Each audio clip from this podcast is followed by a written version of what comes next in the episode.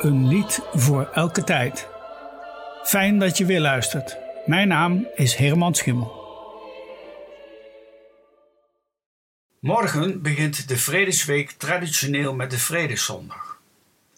Er zijn heel wat liederen geschreven over vrede.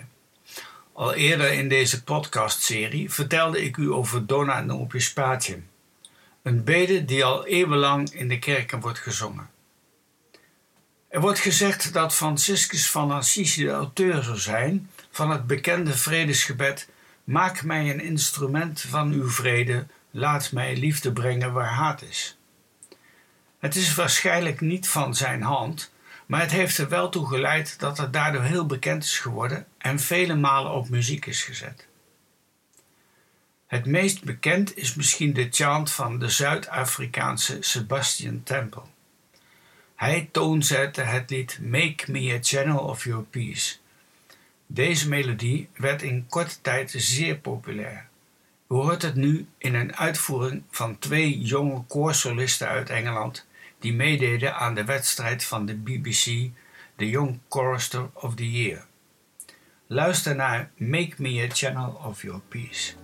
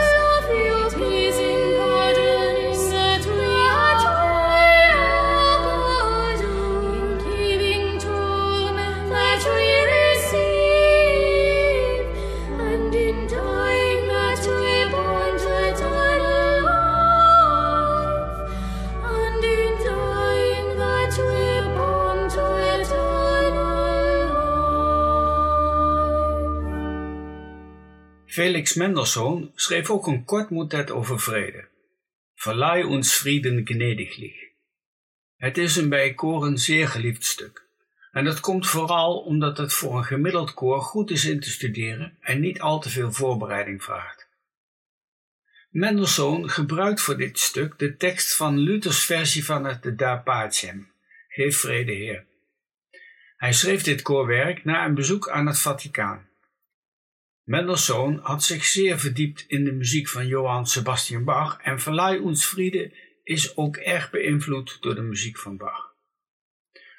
Het wordt hier gezongen door de Wittenberger Kantorei. Verleih uns Frieden gnädiglich.